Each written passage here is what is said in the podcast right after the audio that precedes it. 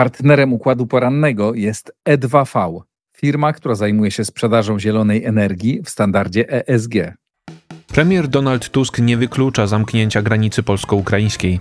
Minister spraw zagranicznych Ukrainy Dmytro Kuleba zapowiada ostrą reakcję na protesty polskich rolników. Komisja Europejska zamierza przestawić przemysł obronny na produkcję wojenną i stworzyć mechanizm wspólnych zakupów europejskiego sprzętu wojskowego. Separatyści z Naddniestrza zwrócili się do Rosji o ochronę przed rządem Mołdawii. Kilka milionów Niemców ma problem z czytaniem i pisaniem. Skradziono dane dotyczące zabezpieczenia letnich Igrzysk Olimpijskich w Paryżu. Intel niedługo może otrzymać wielomiliardowe wsparcie na budowę fabryki mikrochipów. Czwartek 29 lutego to jest układ poranny. Michał Ziomek, zapraszam. Premier Donald Tusk wyraził gotowość rozpoczęcia negocjacji na temat nowych limitów na import ukraińskich produktów, nie wykluczając czasowego zamknięcia polsko-ukraińskiej granicy i wymiany towarowej. Minister spraw zagranicznych Ukrainy Dmytro Kuleba grozi ostrą reakcją na protesty polskich rolników. Według szefa polskiego rządu limity zaproponowane dotąd przez Unię Europejską i Ukrainę nie są przez niego akceptowalne. Z tego powodu jest on gotów na rozmowy w tej sprawie, proponując przywrócenie ograniczeń sprzed rosyjskiej inwazji na Ukrainę w lutym 2022 roku. Oznaczałoby to powrót do restrykcyjnych norm, które byłyby dużo bardziej korzystne z punktu widzenia polskiej branży rolnej. Premier Tusk zauważył, że Polska jest najbardziej proukraińskim państwem w Europie, ale ponosi z tego powodu duże koszty. Rolnicy nie są w stanie ich ponieść, dlatego nie wyklucza on czasowego zamknięcia polsko-ukraińskiej granicy, co miałoby być tymczasowym rozwiązaniem. Sama sytuacja polskich rolników ma być tematem dzisiejszych popołudniowych rozmów szefa rządu z przedstawicielami środowisk rolniczych. Nie mógł on spotkać się we wtorek z protestującymi, bo przebywał wówczas z zaplanowaną wcześniej wizytą w Czechach. Do kryzysu na polsko-ukraińskiej granicy odniósł się ukraiński minister spraw zagranicznych. Zdaniem Kueby panuje powszechne przekonanie, że to jego kraj jest winny zaistniałej sytuacji, ale Europa nie mówi chociażby o wpuszczeniu na swój rynek zboża importowanego z Rosji. Ukraina zamierza chronić swoje interesy gospodarcze, stąd też zapowiada ostrą reakcję na protesty polskich rolników. Szef ukraińskiej dyplomacji zaznaczył, że po obu stronach istnieje dobra wola w sprawie zakończenia obecnego kryzysu. Według portalu Politico Unia Europejska planuje zmienić swoje dotychczasowe podejście do przemysłu obronnego, budując kompleks pozwalający na przestawienie się na produkcję wojenną. Przewodnicząca Komisji Europejskiej Ursula von der Leyen w najbliższych tygodniach ma przedstawić nową strategię nastawioną na wspólne zamówienia. Plany właściwie są gotowe, dlatego dotarli do nich dziennikarze Politico. Z liczącego 27 stron dokumentu wynika, że dla Brukseli najważniejsze jest dokonanie zmian w kształcie przemysłu zbrojeniowego. Ma on zostać wniesiony na nowy poziom, pozwalający na przestawienie się na produkcję wojenną. Obowiązujące dotychczas w Unii Europejskiej podejście zakładało reagowanie na kryzysy, z kolei teraz miałoby opierać się o stałą gotowość obronną. Strategia opracowana przez Komisję Europejską opiera się na przekonaniu, że rządy europejskie powinny w większym stopniu korzystać z produktów kontynentalnego przemysłu obronnego i dokonywać wspólnych zakupów. Do programu miałaby zostać włączona także Ukraina, traktowana w tej kwestii jako pełnoprawny członek Unii Europejskiej. Bruksela zaznacza, że zaproponowane przez nią rozwiązania nie będą naruszały kompetencji państw członkowskich w zakresie obronności. Za koordynowanie zamówień odpowiadałaby Europejska Grupa Przemysłu Obronnego.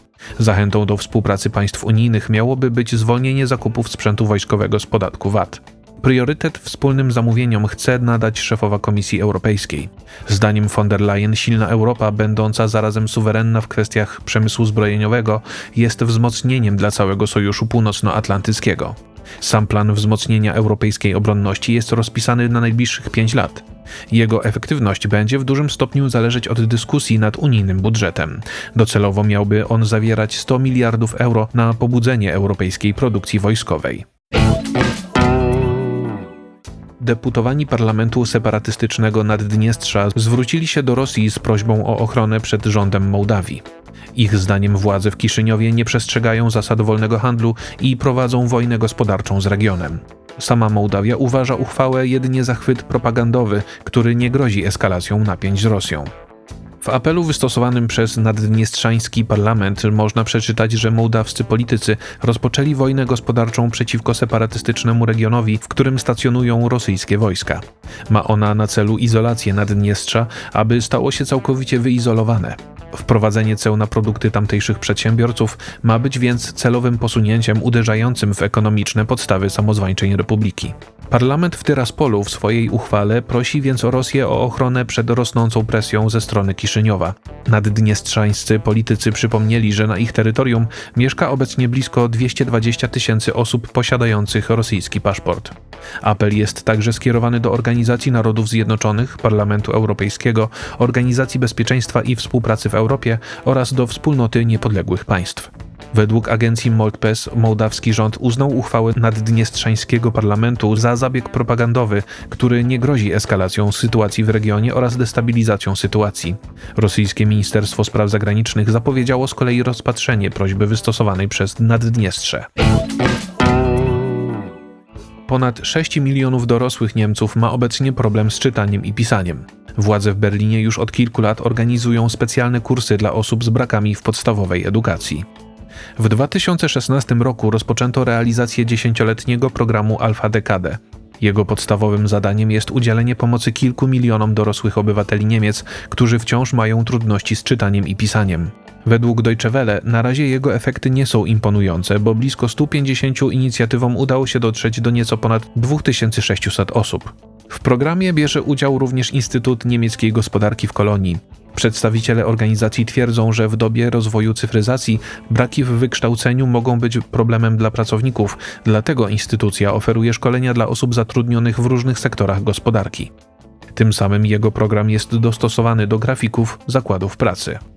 Analfabetyzm wśród dorosłych Niemców i tak spadł w przeciągu ostatnich kilku lat.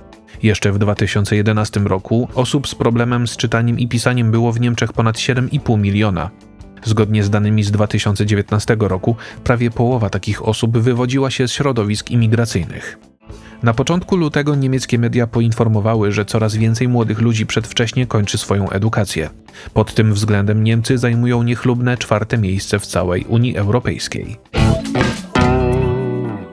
Francuska policja prowadzi śledztwo w sprawie kradzieży nośników z danymi dotyczącymi zabezpieczenia tegorocznych letnich Igrzysk Olimpijskich w Paryżu. Zostały one zabrane urzędnikowi zajmującemu się ochroną imprezy. Z informacji podanych przez telewizję France 24 wynika, że na początku tygodnia przedstawicielowi paryskiego ratusza skradziono komputer i dwa pendrive'y. Zostały one zabrane przez poszukiwanych obecnie sprawców z luku bagażowego w pociągu na dworcu północnym w Paryżu. Sprawa została potraktowana niezwykle poważnie, bo na nośnikach miały znajdować się plany dotyczące zabezpieczenia rozpoczynających się 26 lipca letnich Igrzysk Olimpijskich w stolicy Francji. Informacje posiadane przez urzędnika były związane z pracą Straży Miejskiej podczas imprezy, a także z działaniami planowanymi przez francuskie Ministerstwo Spraw Wewnętrznych. Początkowo obawiano się, że skradzione nośniki mogą zawierać dużo bardziej szczegółowe plany zabezpieczenia Igrzysk Olimpijskich. Paryski ratusz musiał poczynić starania na rzecz odcięcia komputera od miejskiego systemu informatycznego.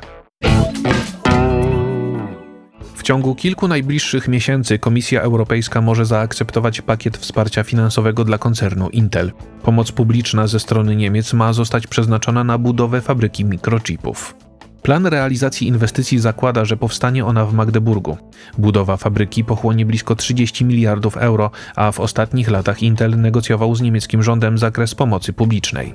Władze w Berlinie zgodziły się zwiększyć swój wkład w projekt, który ma wynosić ponad 1 trzecią wspomnianej kwoty.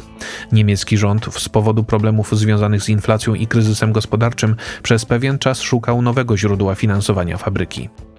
Minister gospodarki landu Saksonia-Anhalt Sven Schulze powiedział portalowi Politico, że negocjacje dotyczące pomocy publicznej zostały zakończone. Rozpoczęcie budowy zależy już tylko od Komisji Europejskiej, dlatego Niemcy czekają na zatwierdzenie planu dofinansowania inwestycji w ciągu najbliższych kilku miesięcy. Fabryka mikrochipów w Magdeburgu ma duże znaczenie ze względu na ambicje Brukseli. Unia Europejska chce mieć swój udział w światowej produkcji zaawansowanych chipów, który miałby zwiększyć się z obecnych 10% do blisko 20% w 2030 roku. W tym celu w ubiegłym roku przyjęto przepisy umożliwiające finansowanie tego rodzaju inwestycji przez państwa członkowskie. Informacje przygotował Maurycy Mietelski, nadzór redakcyjny Igor Jankę. Jeżeli podoba się Państwu nasza praca, serdecznie zachęcam do wsparcia Układu Otwartego w serwisie patronite.pl. To wszystko na dzisiaj. Bardzo Państwu dziękuję za uwagę i do usłyszenia w kolejnym Układzie Porannym. Partnerem Układu Porannego jest E2V, firma, która zajmuje się sprzedażą zielonej energii w standardzie ESG.